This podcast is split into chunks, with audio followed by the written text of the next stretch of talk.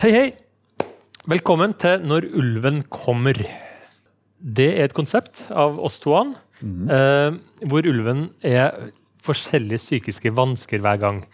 Når, når angsten kommer, når, når eh, depresjon Eller det kan også være redselen eller eh, nedstemtheten. ikke sant?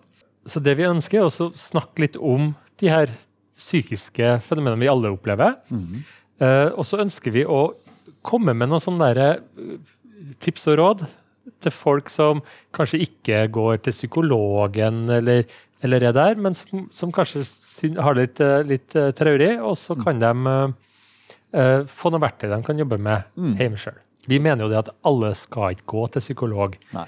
Men vi to er jo psykologer. Vi er psykologer. Så nå er jo du som ser på, du er jo på en måte til psykologen. Eller får dobbel dose, da. Ja. Ja, Dobbel- dose dobbel- psykolog. Ja. Uh, I dag skal vi snakke om trygghet og selvaktualisering. Ja. Uh, og da er det mange som kjenner denne Maslows uh, pyramide, Mhm. hvor uh, selvaktualiseringa er øverst. Og så er det liksom de primære behovene som er lenger ned i pyramiden. Ja. Noen som sier det at nederst i Marshalls pyramide så er det wifi. Internettilgang. Som er Og nå har vi mista mange som ikke vet hva Maslows pyramide er. Men det er jo at det først så tenker man at du må på en måte dekke søvn, mat, kanskje sex. Jeg vet ikke. og så blir det mer og mer sånne skal vi si, avanserte behov. Og på toppen er på en måte finne seg sjæl. Ja. Ja. Sant. Og så må du ha, må du ha dekt de grunnleggende behovene før man går over på de neste. ikke sant? Og, det, og nederst så har du søvn, mat, sånne type ting. Ja. Og så blir det liksom mer og mer avansert. da. Det mener i hvert fall noen. Uh, men det er ikke alle som er enig i det, bare så det er sagt. Men uh, i hvert fall i Vesten, i Trøndelag, så er det ofte slik at eh, folk først begynner å tenke på meningen med livet når de kommer i en viss alder. Og det er klart at Hvis du ikke har mat, og hvis du er redd for å bli slått av pappa hver eneste dag, eh, så, så vil jo det hemme også utviklinga di. Mm. For da er du så redd at du ikke klarer å konsentrere deg om skolen. Du, du klarer ikke å være kreativ. Den type ting som, som, som det der. Det er? Så du må ha, du må ha dekt det grunnleggende før du kan selvaktualisere deg ikke sant? og, og uh, finne deg sjæl på toppen av pyramiden. Det var det. Men trygghet, da. Ja, for trygghet er jo noe, et ord som vi alle kjenner, Ja. vil jeg tro. Men, kanskje, men jeg mistenker at hvis vi går rundt og spør masse folk hva er trygghet, ja. vil, vil vi få veldig mange forskjellige svar. Ja. Og det samme også, for det også I psykologien så skiller vi ofte mellom f.eks. det vi kaller for mestringstro. Eh, og selvtillit, f.eks., som mange vet om. Selvtillit er jo at du, er trygg på at du kan få til ting. F.eks.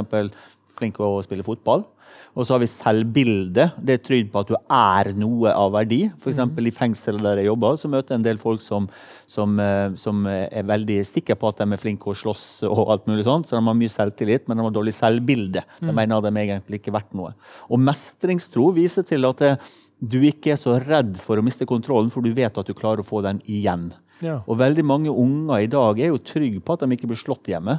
Men de er veldig veldig redd for å miste kontrollen. Så de går rundt på en måte og gruer seg for å miste kontrollen. For de tenker at hvis de bare får en femmer, så går livet i knas. Ja. Men hvis du har mestringstro, så har du også trygghet på at selv om alt går til H, så klarer du alltid å lure det innpå igjen. Ja. Så trygghet kan også vise til at du selv i en ytre sett utrygg situasjon er trygg på det sjøl at du klarer å løse ut av det.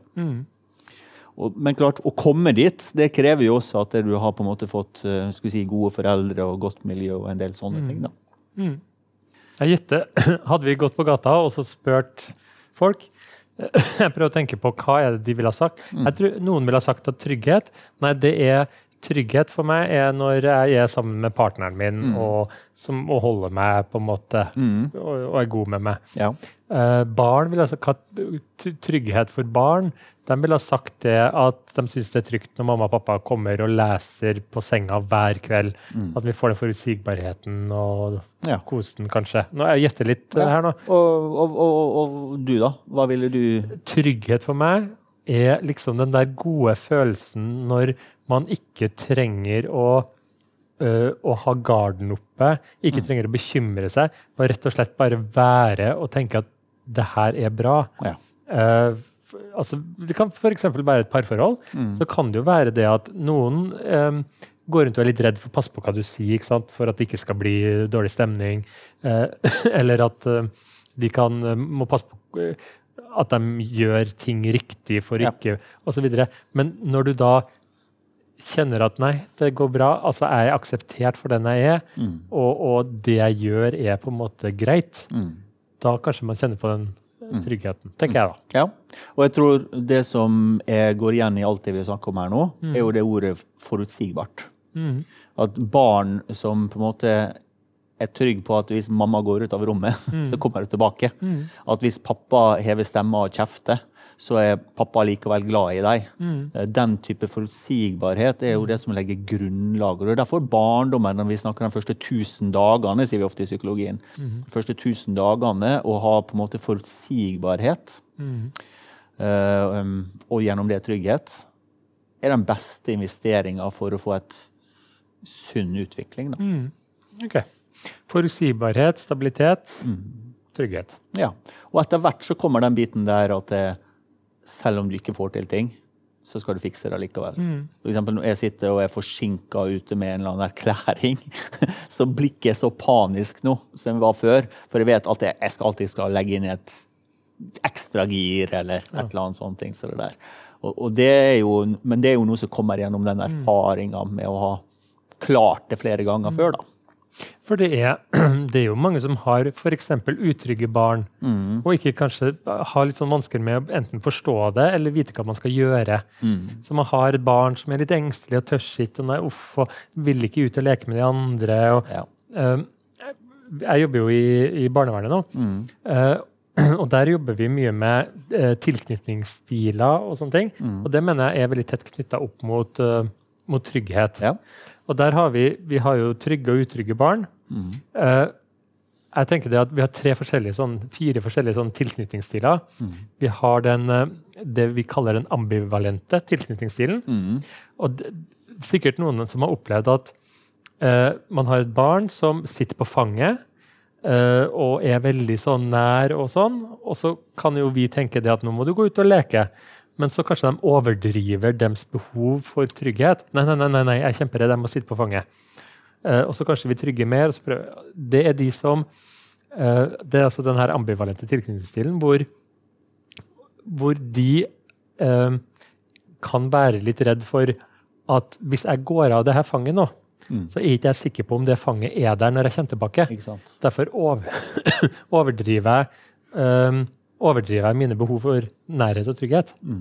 Eh, og det kan vi se for eksempel, Et eksempel er at jeg ser det hos uh, um, barn som har psykisk syke foreldre, eller rus.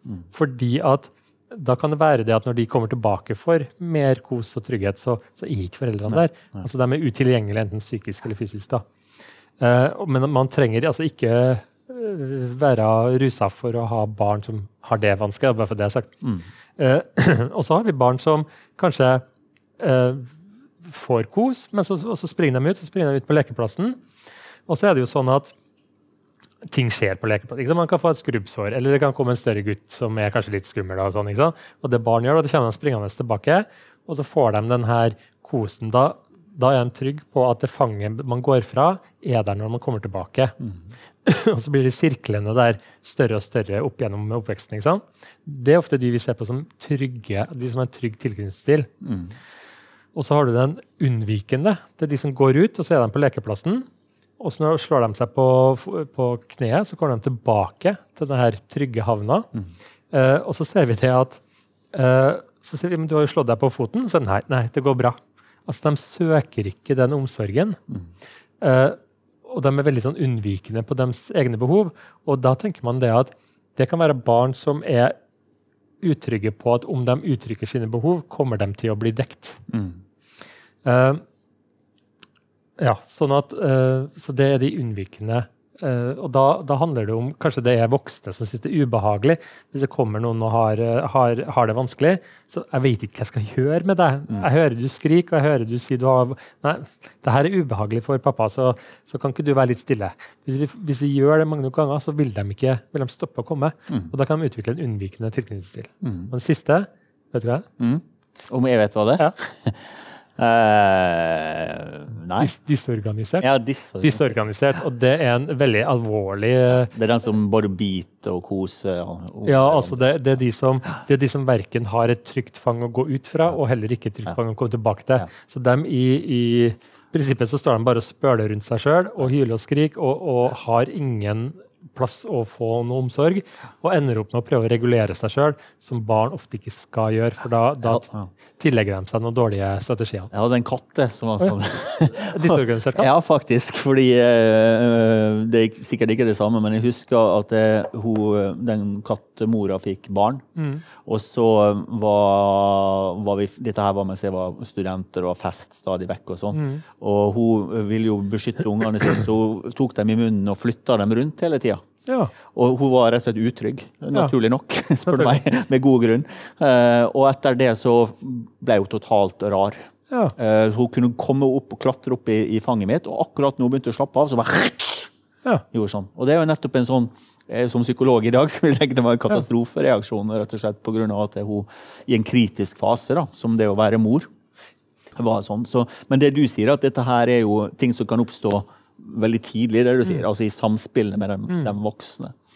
Og det vil jo kunne gi følge mange mange, mange år mm. etterpå, selv om du på en måte får hjelp for det i, i etterkant. sånn som jeg har forstått det. Og mange er kanskje ikke bevisste heller. Nei. For, det, for de her type tilknytningsstilene jeg nevnte nå, det er noe som vi går rundt og bærer på veldig veldig mange av oss. Mm. Uh, og i forskjellig grad. ikke sant? Mm. Kanskje noen syns det er vanskelig å stole på andre, som kanskje mm. ikke deler så mye av seg sjøl. Ja. Kanskje, kanskje, det er en unnvikende tilknytning i, i bunnen der. Mm. Uh, og så er det de som er litt sånn klengete og, og ikke går fra meg og blir ja. veldig sjalu. og sånn. Ja. Kanskje det er en ambivalent uh, tilknytning. I hvert fall Det som jeg har sett i, i, i, min jobb eller mitt fag, er jo ofte at det er forskning mellom utrygghet og hvilken type utrygg det er hos barn, mm. og hvilken mm, type partner du blir som voksen. Akkurat som du sier. Ja. Så, så, så, de sier jo seg sjøl altså hvis du er veldig usikker, så kan du kanskje ha mer sjalusi enn andre. Ja. Og da er jo problemet er jo ofte når du møter folk som, som har den type så sterke problemer at kanskje de har personlighetsforstyrrelser. De er akkurat som du sier, de vet ikke det sjøl engang, for det er jo en del av personligheten deres. Mm. Det er akkurat som Jeg begynner ikke å, å sette spørsmål med grunnleggende ting av meg sjøl, for det er liksom det jeg er vant til at det skal, skal, skal være der. Men ofte partneren vil jo merke det. Ja. Mm. Um, nå snakker vi jo om utrygghet. altså sånn iboende utrygghet som man tar med seg fra oppveksten fordi at man får en, eh, en, oppdragelse eller en oppvekst som kanskje ikke tilrettelegger for den trygge, gode oppveksten ja. med det her gode fanget du kan gå ut og komme tilbake til. mm. uh, Som påvirker deg. Og så har vi jo andre ting som også kan skape en utrygghet. Og da tenker jeg mer at det kan godt være at du har en trygg tilknytning i bunnen og så skjer det et eller annet. Du opplever en katastrofe.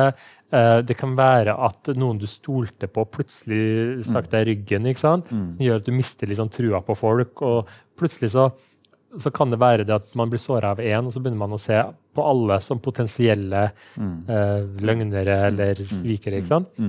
Um, så det, det, kan, det, kan, være komme fra Utrygghet kan man, kan man få fra barndomsben av, men det kan også skje i voksen alder. Helt klart. Og det klassiske der er jo gjennom katastrofe. Mm. Um, hvis du, eksempel, hvis et barn eller en voksen blir voldtatt, så vil det på en måte splintre hele verden din. Mm. F.eks. for eksempel eh, små barn som blir voldtatt av sin far. Vil jo, han vil jo kanskje si dette her, nå er du, nå er du snill, mens hun føler seg ekkel. Han vil si dette her er godt, og hun vil ha det fryktelig vondt. Mm. Uh, og det vil være slemme pappa. og så Plutselig når han er ferdig, så er han tilbake til snille pappa. Slik at, og det kan være også, Husk at de fleste voldtekter skjer jo av folk du kjenner, altså som voksen. Mm. Slik at der du på en måte splintrer verden, så vil jo en mer sånn grunnleggende mm. Utrygghet komme. Altså, det er tilsvarende Hvis du hadde stått og sett på meg her nå, så plutselig hadde jeg blitt en rød kanin som hadde snakka, så ville du jo tenkt shit, det der skjedde jo ikke. Ja. Eh, Slik at du får en u usikkerhet på hva som er, som, som, som, som er eh, virkelig. da. Og det, det, det, jo, det kan jo også gi store problemer, men det blir faktisk lettere å reparere da, på mange måter. Um, enn hvis det skjer over flere år i en eh, far-barn-mor-barn-situasjon.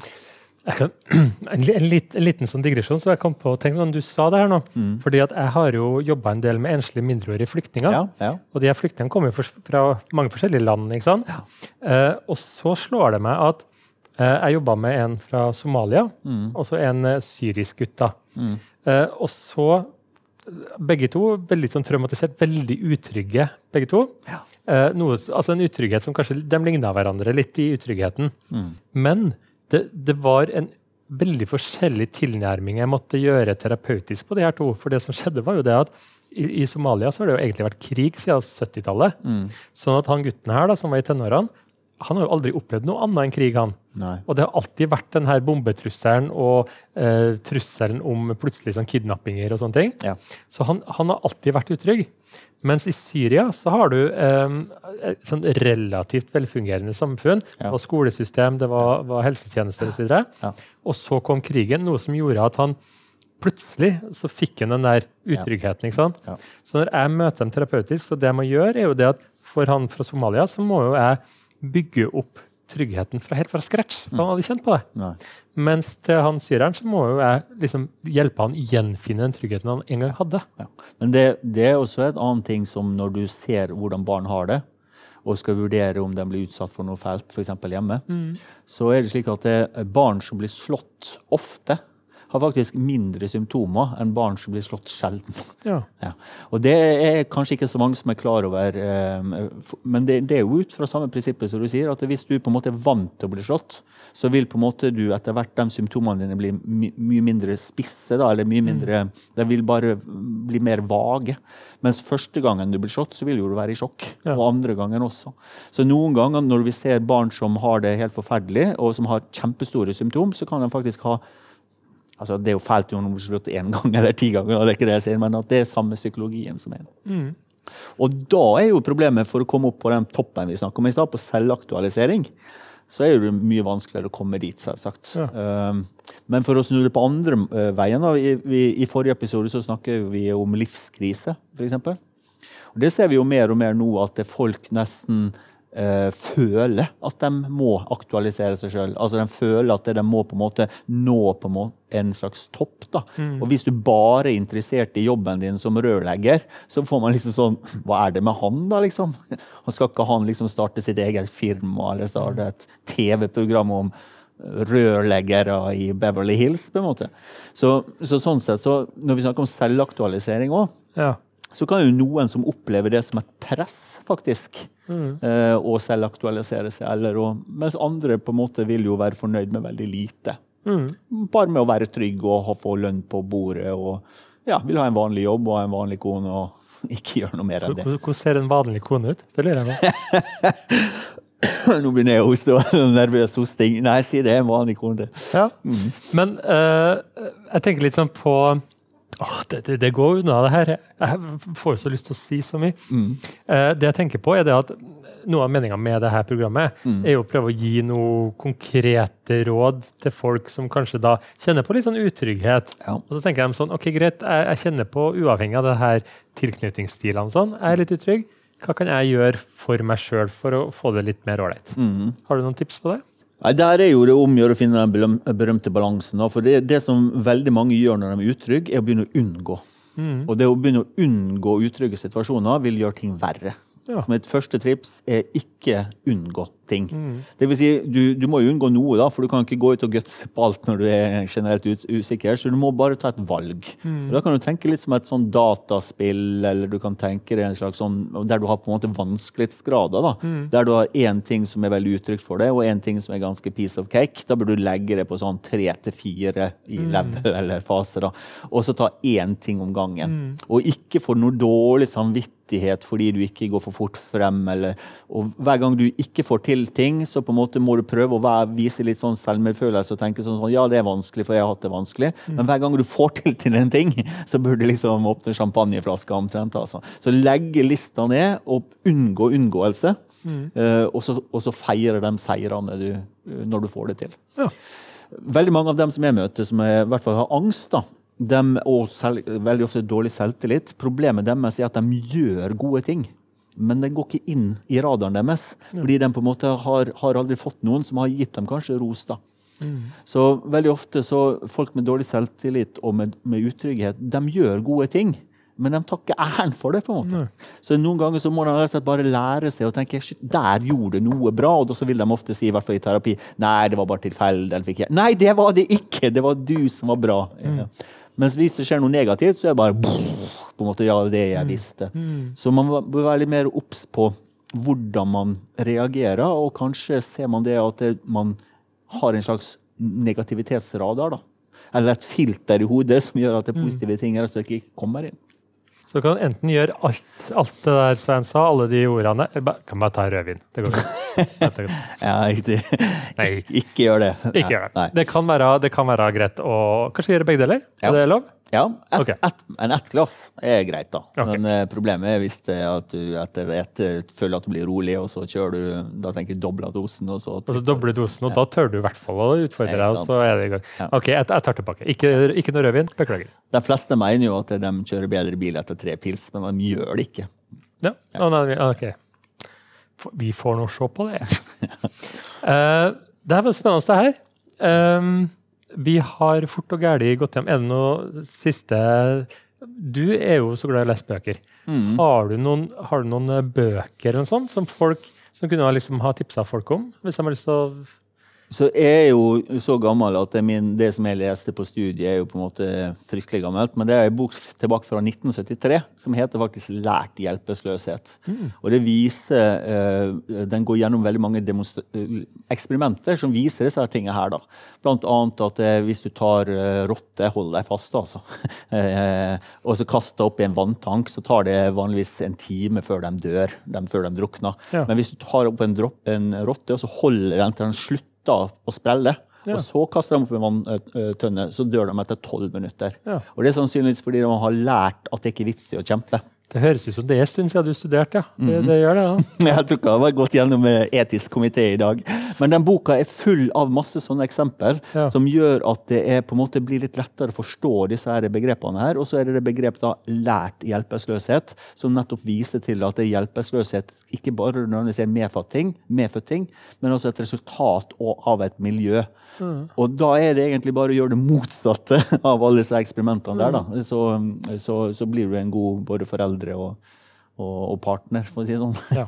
um, å være foreldre, det er fuckings vanskelig, bare så det er sagt. Jeg, jeg, jeg, hører dere si det. For meg, det høres dritlett ut. Gi dem mat ja. og en gang iblant, ja. så blir det bra, det. Men forutsigbarhet, det er på en måte det viktigste du kan gjøre egentlig med å få barn. Også være forutsigbar. Mm. Ikke som foreldre at du, det er derfor barn blir så stressa når du drikker, mm. for da forandrer du litt stilen. blir litt mer sånn, Og det er mm. stressa barn. Mm. Så prøv å være stabil og forutsigbar. Så vil det gi stort sett trygge barn. Ja, er ikke sant. Bra. Da går vi mot slutten her. Um, vi, vi, det er fjerde episoden her, mm. og vi peiser på videre. Vi syns det er kjempeartig å holde på. Ja, vi må ha flere tema. Vi må ha flere tema. Mm. Hvis, dere har, eh, hvis, dere har, temaer dere ønsker at vi skal snakke om, så er det faktisk mulighet for det. Dere kan gå inn på Facebook-sida vår og, og, skrive inn der, så svarer jeg det. Svein kommer ikke til å svare, for han er ikke der. Men jeg har en tilståelse, Svein, helt på tampen. Nei. Vet du hva jeg har gjort, eller? Inne på Facebook-sida vår. Fordi at du har det med Du jobber jo i fengsel mm. med de verstingene. Sånn at og Jeg tror ikke du helt tenker over det, da, men ofte så, så tar du snakker om sex og voldtekt og vold og drap og sånn i ja. de her programmene, bruker ja. det som eksempler. Jeg blir veldig trygg av det. Jeg har, gjort det til en, jeg har bedt folk om å gjøre det til en drikkelek. Så hver gang de ser det her showet, og hver gang du snakker om det her, så må de, så må de drikke. Ja, okay. Sånn at, eh, og jeg kommer nok mest sannsynlig til å skrive masse flere ting bak ryggen til til Svein på Facebook, så der kan dere følge med. Vi har også en podkast, Når ulven kommer. Der legger vi ut lyden eh, som dere hører på, på, på de her showene. Så dere slipper å se oss, dere kan bare høre oss hvis dere vil. Eh, det finner dere på Når ulven kommer. Og så er nå vi tilbake, vi er her på Trønder-TV uh, seinere. Vi er veldig glad i Trønder-TV. Det blir kjempebra. Vi gleder oss. Og så snakkes vi fint. Ha det bra.